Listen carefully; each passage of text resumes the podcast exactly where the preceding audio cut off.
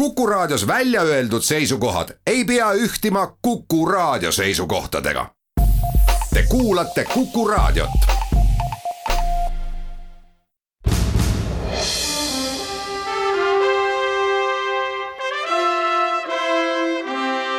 vahetund Postimehega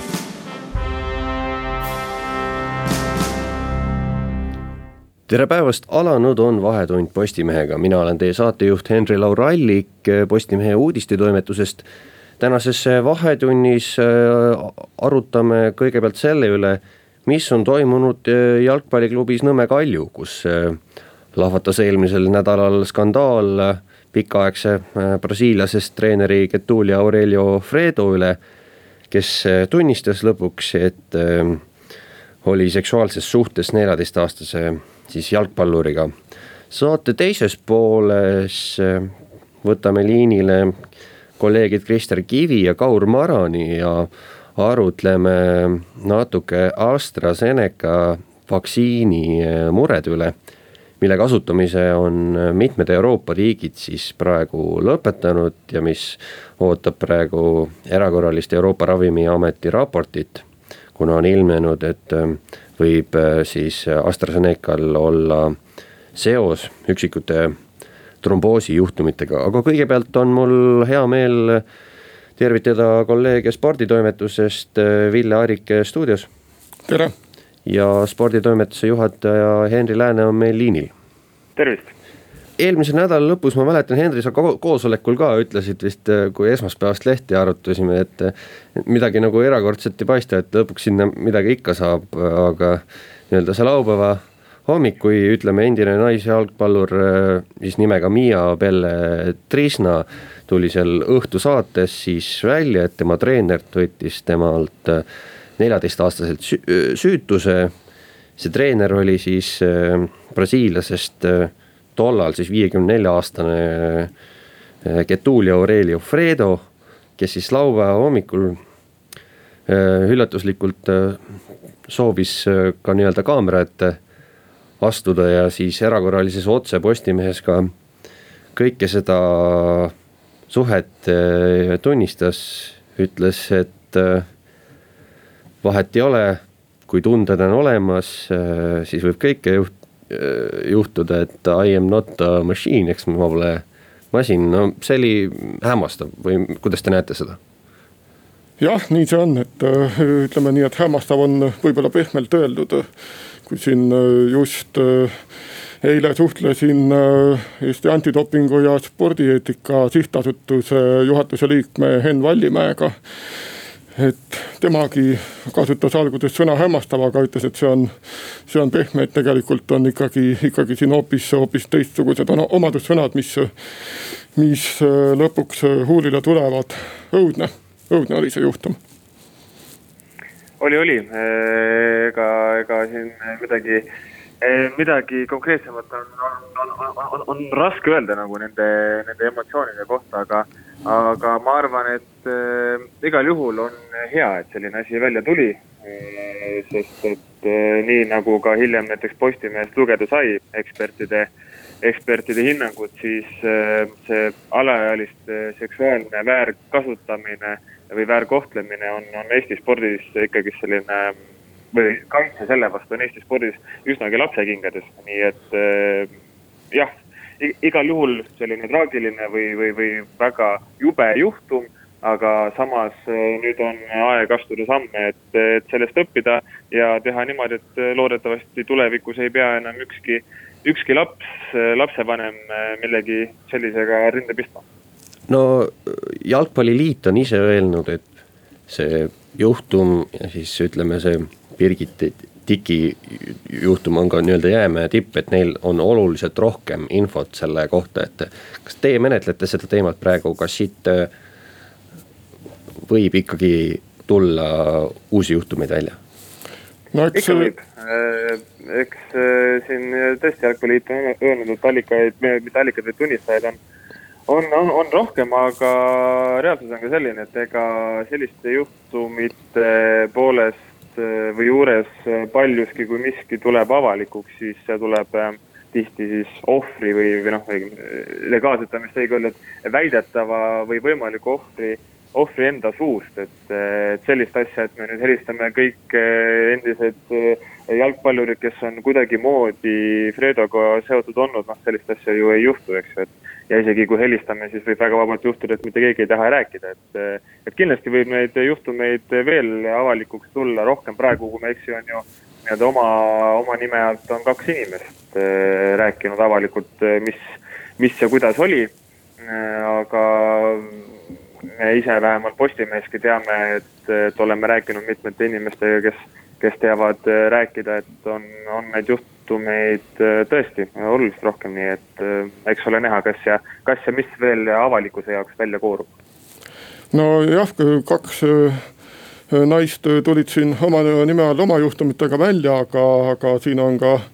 noh, ütleme, et saatuse irooniana tõesti väga noh, ütleme saatuse iroonia siin ei ole kõige parem väljend, aga, aga. aga nii ta, nii ta välja kukkus, et Nõmme Kalju Naiskond oma Facebooki kodulehel tegi postituse laupäeval kell neliteist üheksateist äh, Fredo toetuseks ja siis äh, tund aega hiljem oli Fredo Postimehe stuudios äh, kaamera ees otsesaates ja tunnistas seksuaalsuhte neljateistaastasega üles et noh, tõesti noh, need asjad ei, ei läinud mitte kuidagi kokku, et ma tuleks, tuletaks ka meelde, et äh, Nõmme Kalju ise äh, oli see vist tegevjuht, äh, kes saatis reede õhtul pressiteate, mille nii-öelda põhisõnum oli see, et see suhe põhines vastastikusel mõistmisel ja kokkuleppel, mis on täpselt, täpselt tsiteerida ja sealt edasi on toimunud kannapööre jah, see on tõesti nii, et, et alguses paraku kõik see PIA, mis Nõmme Kalju poolt tuli, et noh, ütleme hilisemate sündmuste valguses see on ikka äärmiselt ebaõnnestunud, on, on siin vähe öeldud. ja, ja noh, see naiskond ka kirjutas, et meie treeneri Getulio Aurelio Fredo vastu on algatatud lubamatu laimukampaania. Fredo ise veidi hiljem siis ütles, et ei ole siin mingi laimuga tegemist, tõepoolest jah, ta mainis, ta mainis ka seda, et et massaaž oli, et teistpidi jällegi asja, massaažis ilmnenud asjaolude kohta see naine, kes asjad välja tõi, et ta valetas, politsei päev hiljem kinnitas, et ei valetanud, nii et noh, selles plaanis on ikkagi ikkagi sealt Kalju poolt tulnud signaalid, noh kahju on, tõesti kahju, et alguses, alguses võeti täielikult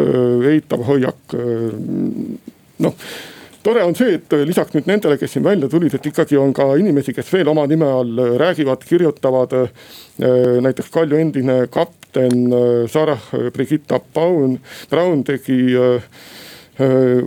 vastulause ja ütles, et tal on huvi seista õigluse eest, sest varem me ei osanud seda teha. kohe jätkame samal teemal, aga kuulame ära reklaamid.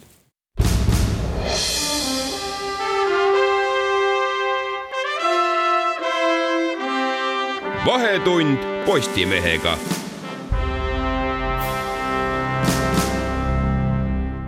Tere tulemast tagasi, jätkame samal teemal, stuudios on Postimehe ajakirjanikud Henri-Laur Allik, Henri Lääne ja Ville Arike. no räägime sellest Nõmme Kalju PR kannapöördest veel, et äh, kui reede õhtul räägiti, et äh, Getulio ja Simia Belle, nad äh, nii-öelda suhe, klubi oli teadlik, see põhines vastastikusel mõistmisel ja kokkuleppel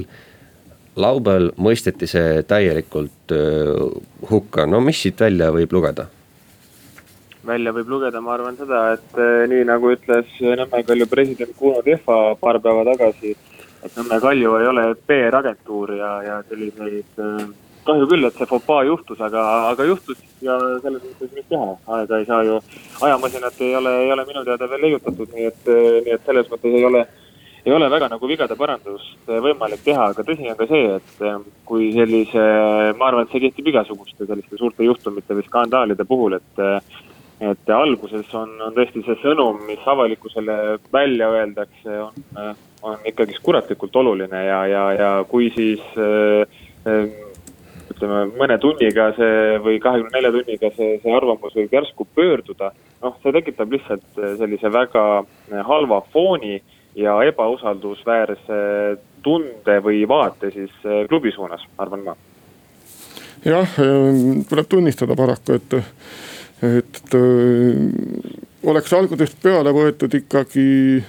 selline mõistlik lähenemine, noh, ütleme nüüd nii, et kui kinnitatakse suhet äh, treeneri ja neljateistaastase tüdruku vahel ja lisatakse, et see põhines vastastikusel mõistmisel ja kokkuleppel, siis noh, midagi ei ole parata, need järgmisel päeval kommunikeeritud äh, sõnum, et, et me ei tolereeri mitte midagi niisugust, kahjuks enam ei ole. Hanne Selge vesi. niivõrd usaldusväärne. Hanne Selge vesi. jah täpselt. et selles plaanis nagu tõesti, nagu Henri ütles, et, et ikkagi see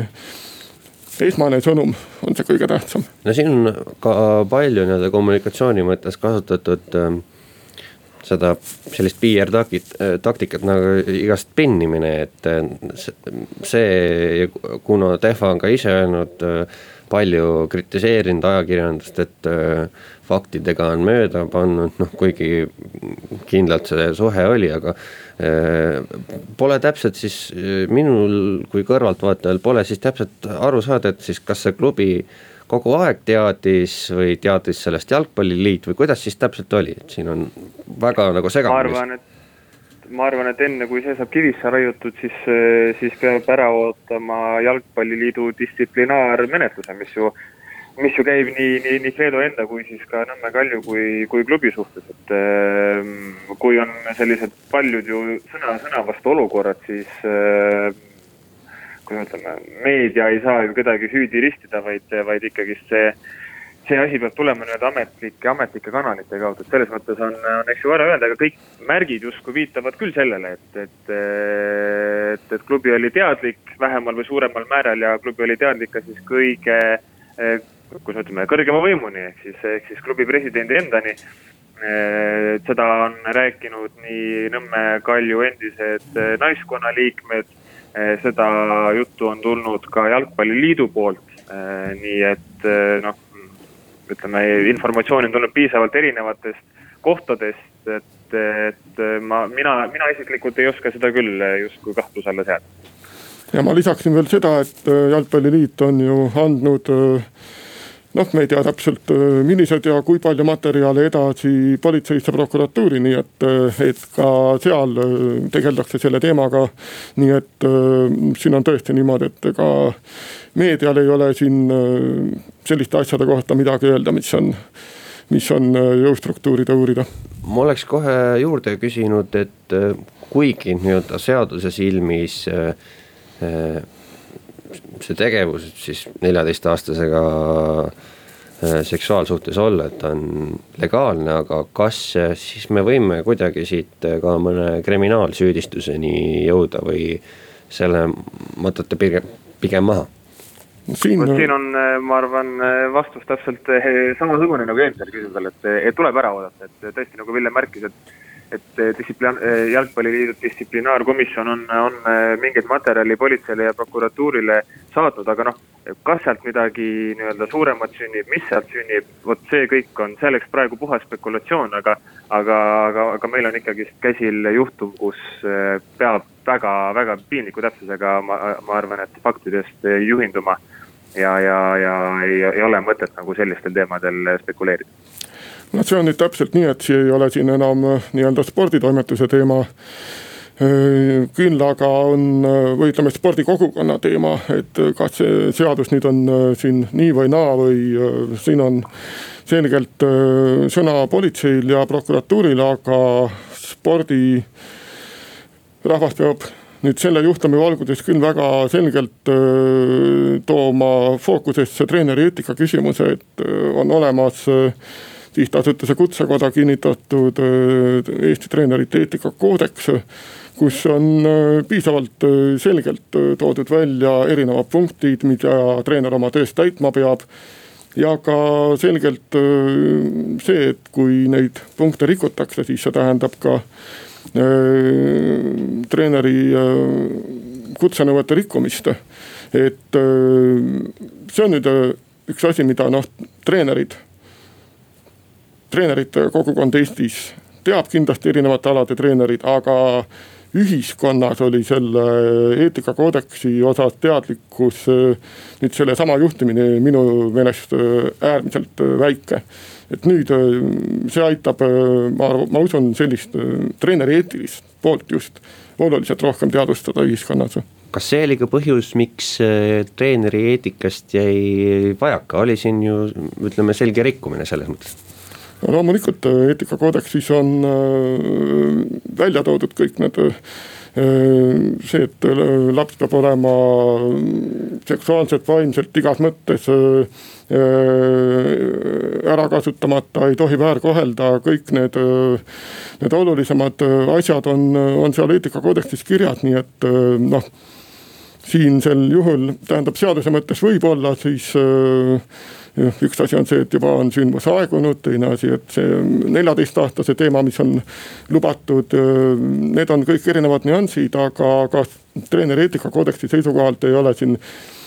rohkem kui viiekümne aastase treeneri seksuaalsuhe neljateistaastase õpilasega no mitte mingil moel aktsepteeritav. räägime, mis nüüd Nõmme Kaljust hakkab edasi saama, nende peasponsor Pahv tuli mõistetavalt selle skandaali pärast selja tagant ära kas sellise suursponsori lahkumine võib äh, kuidagi jõudude vahekorda premium-liigus, premium-liigas siis mõjutada või äh, üldse Eesti jalgpallis? eks äh, raske küsimus, aga, aga olgem ausad, kui PAF-i aastane toetussumma oli kaheksakümmend viis tuhat eurot, Äh, siis äh, ütleme Nõmme Kalju suguse Eestimees ikkagist suurklubi jaoks, noh, see ei ole mingisugune kabelimats, äh, kaugel sellest. et ja kui siin mõelda nüüd üsna äsja alanud hooajale, siis Eesti jalgpallieksperdid ikkagist hindasid, et, et Kalju, Kalju saab liigas neljanda koha. võib-olla äkki isegi kolmanda, aga, aga sinna tiitliehitusesse ei nähtud küll, et nad võiksid sekkuda. see ei tähenda mõistagi, et nii võiks minna aga, aga ise ma ka pigem olen, olen nende hooajalisete ennustustega nõus, et ja seega siis ma arvan, nii-öelda premium-liiga jõudude vahekorra osas no, ei muutu midagi väga suurt ja, ja, ja eks Pahvi, Pahvi läinud raha on raske asendada, aga noh, ei ole kindlasti, ütleme, lähemate aastate jooksul mitte ilmvõimatu ja, ja kui üldse mõelda selle peale, et mis võiks olla Kaljule nii-öelda majanduslikult siis selline, mitte just, kas just kabelimats, aga selline suurem põnts, siis see on kindlasti eurosarjas eh, mitte mängimine, et eh, see tähendaks palju suuremat rahakadu, nii et eh, see, et Pahv läks, kindlasti on, on, on klubil sellest väga kahju aga noh, see ei ole nüüd selline asi, et kõikidele mängijatele jäävad palgad maksmata ja, ja, ja kolme kuu pärast seda klubi enam, enam Eesti jalgpallimaastikul pole. aitäh teile stuudiosse tulemast, kuulame ära uudised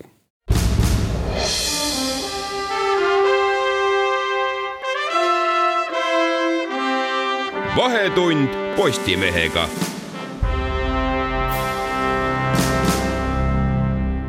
tere tulemast tagasi ja nagu saate algul lubasin, siis äh, räägime ka AstraZeneca vaktsiinist. Äh, olen liinile palunud kolleegid äh, Kaur Maran ja Krister Kivi. no tervist paljud riigid Euroopas, sealhulgas suurriigid Saksamaa, Prantsusmaa, Hispaania, Itaalia on AstraZeneca vaktsiini kasutamise lõpetanud. Eesti otsustas eile eh, ikkagi jätkata AstraZenecaga vaktsineerimist. Krister, kuidas, mille põhjal see otsus sündis ja on see õige otsus? no mina selle otsuse tegemise juures ei olnud, aga see argumentatsioon, mida, mida olen kuulnud,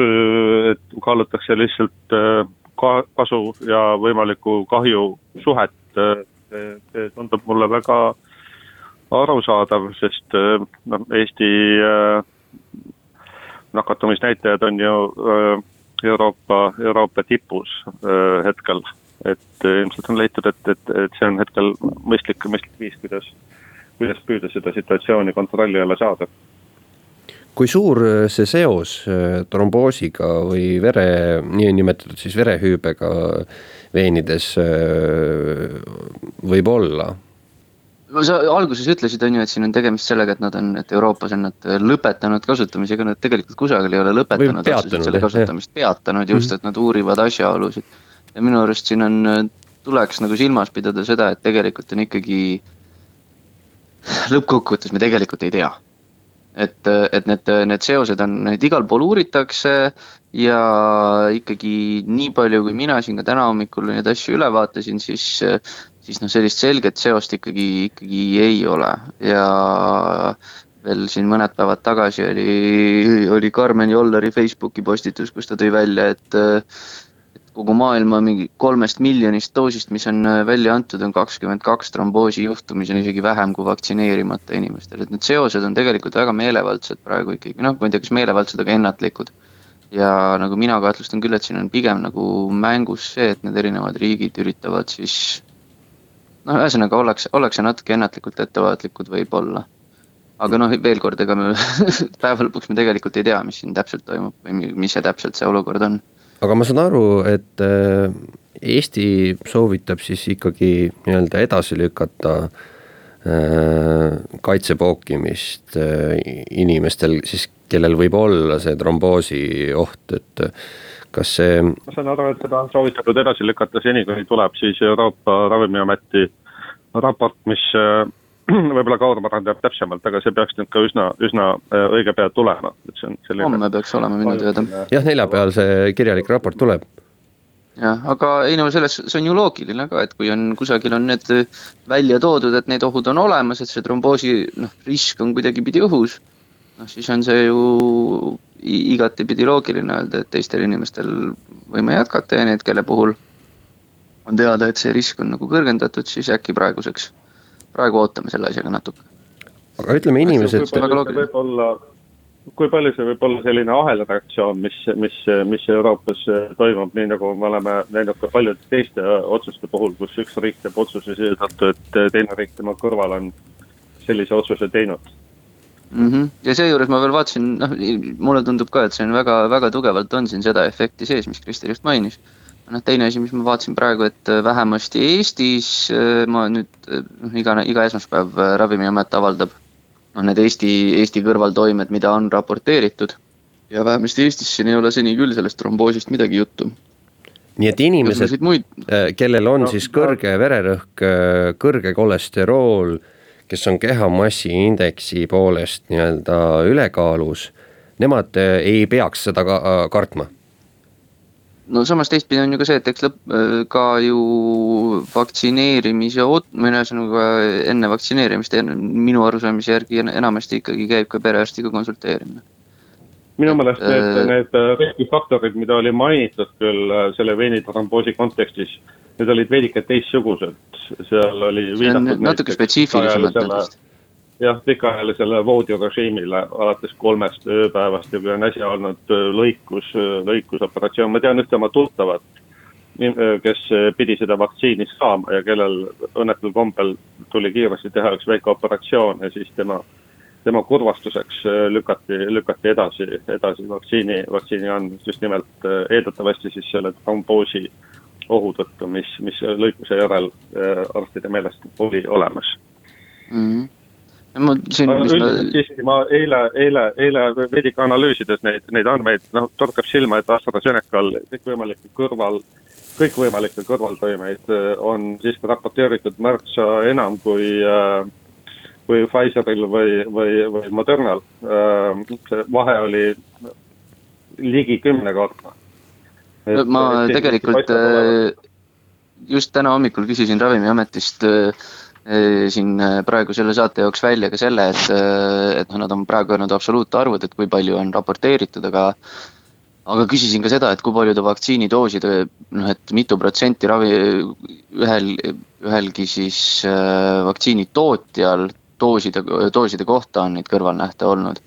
ja ikkagi no AstraZenecal on rohkem, et kui, kui Pfizeril on ta seal null koma kuuskümmend seitse, Modernal null koma kolm, siis AstraZenecal on kaks koma neli seal on rohkem, aga näib niimoodi, et see diapasoon on hästi lai, et mis nad on, et see ei ole su-, noh, ei ole ainult äh, tromboosid, et neid on erinevaid, aga noh, seda, et nad oleksid nagu noh, sellised tohutult, tohutult tõsised äh, no seal oli üks naisterahvas oli muidugi, kes sai hukka sellepärast, et, äh, et minestades lõi pea ära. nüüd Krister tahtis öelda midagi? Ei, ma lihtsalt tahtsin äh, juhtida tähelepanu, et, äh, et no huvitaval kombel siin paistab olevat teatav selline korrelatsioon nendel kõrvaltoimetel ja ka vaktsiinidoosi hinnal, sest AstraZeneca on ju kõige odavam nendest, nendest vaktsiinidest. Äh, seal see doosi yeah. hind on, on, on euro või kaks. sellal kui Modernal, ma vist vaatasin hiljuti neid hindasid, no see on üle kolmekümne, üle kolmekümne dollari on ühe doosi hind. nojah, aga eks ta, nad on ka täiesti erinevad tehnoloogiad eks nad ole täiesti erinevad tehnoloogiad, et selles osas ongi neid võib-olla keeruline võrrelda. aga no üks asi, mis siin veel lisaks sellele, et, et jah, Eesti statistika ka näitab, et AstraZenecal kõrvalnähtusid üldiselt on natukene rohkem, siis, siis noh, teine asi on see, et AstraZenecaga on ju juba siin, ma ei tea, sügisest, oktoobrist, novembrist on olnud üksjagu segadust, sest neil oli juba seal kliinilistes katsetes oli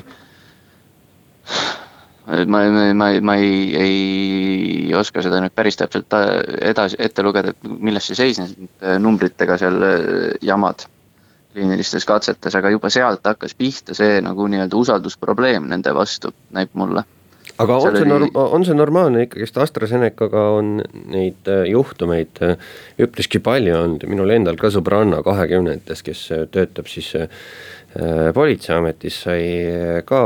AstraZeneca vaktsiinid on kahekümnendates, ta oli järgmine päev äh, siruli maas, nelikümmend palavik, täiesti audis, on see normaalne? no kuidas võtta, selles suhtes nagu siin mõni aeg tagasi, kui oli kõrvaltoimetust äh, mul Postimehes lugu, siis oli ka juttu sellest, et näiteks need kõrvaltoimed ongi nagu no, normaalne osa, see näitab seda, et immuunsüsteem hakkab tööle. aga jah, see eks nad või ka olla kohati päris, päris vastikud asjad, ma kujutan ette, mul endal ei ole, ei ole isiklikku kokkupuudet olnud sellist. Hmm. aga noh, samamoodi nagu kui sinul oli siin ähm, tuttava näide, siis ka minul oli teine tuttav, kes äh, põdes sellesama haiguse läbi, on ju. ja no tema ütles selle kohta küll niimoodi, et andke iga hetk andke mulle parem see neli, see, see vaktsiin ja ma kannatan need ükskõik kui rõvedad need kõrvalmõjud on, nad ei saa nii vastikud olla kui see, mis pärast saab mis see, mis selle viiruse endaga kaasa tuleb. et noh, see on täpselt see nagu, nagu inglise keeles on see sõna trade-off, mille kohta ma eesti keeles ei ole väga head vastet leidnud. aga noh, ta on kaalumise küsimus, et plussid ja miinused. ja Krister tahtis öelda? ja, ja ei, olen ka kuulnud, et, et, et, et politseinikel olevat olnud, olevat olnud nagu palju, palju, võib-olla isegi nagu proportsionaalselt äh, rohkem, kui oleks oodatud neid kõrvaltoimeid, et ei tea, kas see võis olla tingitud sellest, et äh, noh, politseitöötajad on valdavalt äh, suhteliselt noored ja on teada, et noortel inimestel see reaktsioon nendele vaktsiinidele ongi, ongi ägedam. Või siis ma ei tea, mida Kaur Mavad näiteks arvab sellest, et, et, et võib-olla see siiski võib viidata sellele, et on probleeme teatud partiidega, kuigi noh, Ravimiamet on siiani öelnud, et nende, neil ei ole andmeid praegu, et, et see nii olla võiks. ega ma nii konkreetselt ei tea, et nüüd no on ju jutte olnud, et kuskil on mingeid partiisid proovile, mitte proovile, tähendab pausile pandud. aga nüüd nii konkreetselt ei, noh, ega see on jälle see, et ei tea ju. et siin ja isegi siis, kui nagu kuskil neid pausile pannakse, siis on ka ju see, et noh, see aeg, mis kulub selleks, et välja selgitada, et milles see probleem nüüd täpselt on, see on päris, päris pikk aeg ja need on ju väga põhjalikud juurdlused. aga noh, üldiselt ikkagi ma arvan, et tasub äh, tasub usaldada seda Euroopa Ravimiametit ja tasub usaldada ka meie omi, eks äh, eriti Eesti kontekstis praegu jällegi ka riik tegelikult ju teeb neid oma kaalumisi, kaalutlusi täpselt sellel tasemel praegu, et meil on olukord tõesti nii halb, et me noh, me peame selle, selle asjaga lihtsalt läbi hakkama saama. ja veel kord, Eestis ei ole praeguse seisuga teada, et oleks ühtegi sedasama õudset tromboosi olnud, millest on räägitud. kõrvaltoimeid on erinevaid ja mõned neist juba, kui sealt Terviseametist lugeda, tunduvad ebameeldivad muidugi, aga lähevad üle, et ja kui see kokkuvõttes meid sellest kõigest jamast välja aitab, mina isiklikult olen juba mõnda aega tunnen üsna, üsna, üsna põhjalikku koroonatüdimust siis on see ju ainult tervitatav.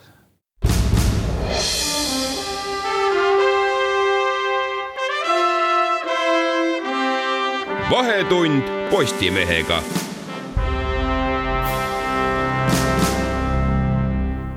tere tulemast tagasi, stuudios on Postimehe ajakirjanikud Kaur Maran, Krister Kivi ja Henri-Laur Allik. jätkame AstraZeneca teemal. no kuigi Euroopa Ravimiamet on öelnud, et otsest seost ikkagist eh, selle tromboosiga ja AstraZeneca vaktsiiniga ei saa nii-öelda väita, on paljud riigid eh, selle kasutamise peatanud. Eh, on see ülereageerimine nüüd? No täpselt see küsimus, et kust, kust sa selle piiri tõmbad, ega lõppkokkuvõttes ma arvan, et äh, meie kolm keegi ei ole nagu nii targad, et seda lõpuni hinnata. aga, aga nagu ma ka juba enne ütlesin, et eks siin on täpselt see kaalumise küsimus, et mis, kus on kasud ja kus, kui suured on kasud ja kui suured on kahjud. aga siin vahepeal, kui see reklaamipaus oli, ma jõudsin veel, äh, veel noh, natukene endale meelde tuletada, et siin ei ole ju mitte no õigupoolest on see, et äh, Euroopa Meditsiiniamet äh, peaks homme, veel kord kordame siis selle oma, oma raportiga välja tulema. maailma Terviseorganisatsioon on ka ikka seni olnud seda meelt, et äh, ei ole vaja pidurit tõmmata ja ka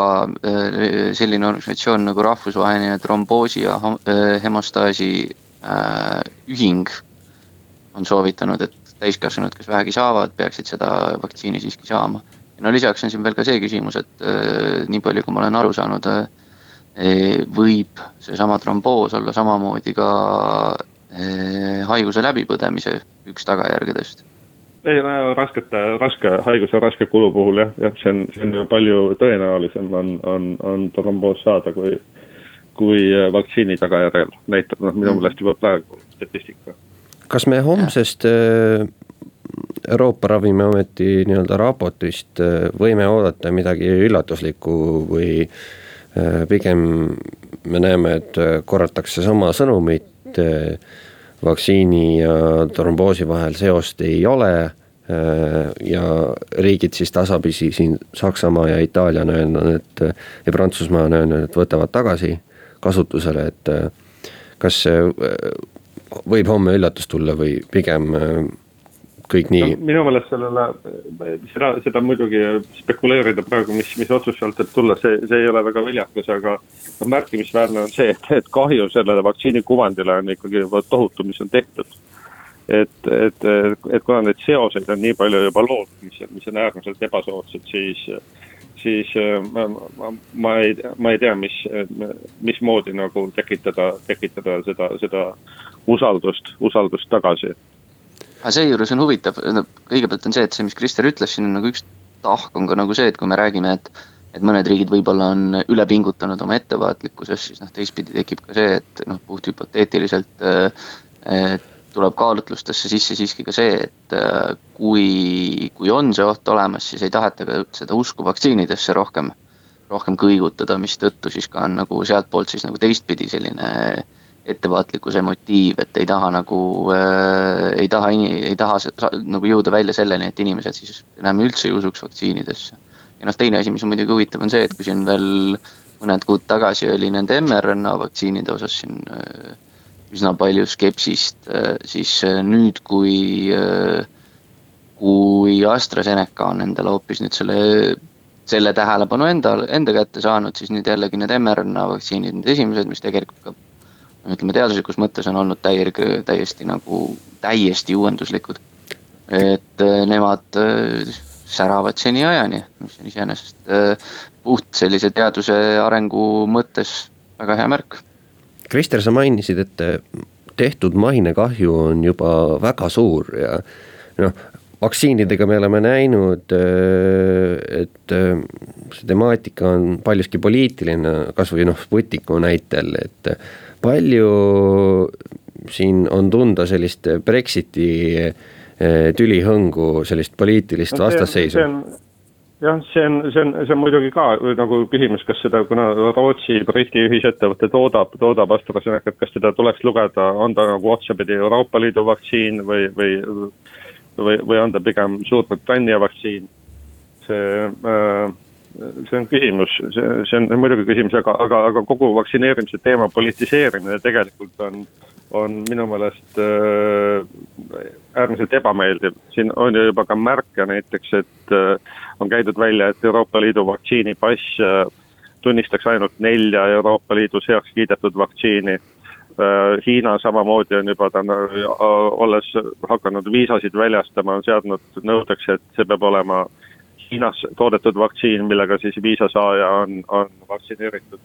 minu meelest see on, see on, see on väga kahtlane, kahtlane tee no ja samal ajal on Euroopa Liidul ja siis Suurbritannial noh, majanduslik äh, nii-öelda kokkupõrge Põhja-Iirimaa piirileppe üle, et äh, see võib ju kanduda ka nii-öelda vaktsiinide teemale üle, et nii-öelda tagasitegemise eesmärgil aga noh, positiivne on muidugi see, mida ei, ei oleks, ei oleks tõtt-öelda isegi oodanud, mõned tunnid tagasi tuli uudis, et et äh, endine president Trump on, on äh, soovitanud oma, oma äh, austajaskonnal ennast vaktsineerida ja on teada, et, et, et need ongi Ameerika Ühendriikides ja kõige suuremad vaktsiiniskeptikud. nii et, nii et see on, see oli, see oli ootamatu ja minu meelest väga, väga positiivne areng siiski, kui me üldse loodame, et see epideemia, pandeemia lähemal ajal vaibub. no kokkuvõttes saab nentida, et Äh, pigem tasuks seda AstraZeneca vaktsiini äh, ikkagist äh, usaldada mina, mina ütleksin selle peale niimoodi, et pigem tasuks ära oodata, et mis nad seal Euroopas siis nüüd selle kohta järeldavad. et ega, ega niisama pimeda, pimesi usaldada ka ei tasu. Sellega lõpetame, aitäh teile stuudiosse tulemast. see oli tänane Vahetund Postimehega, mina olin teie saatejuht Endre-Laur Allik, oleme eetris nädala pärast, seniks kõike head.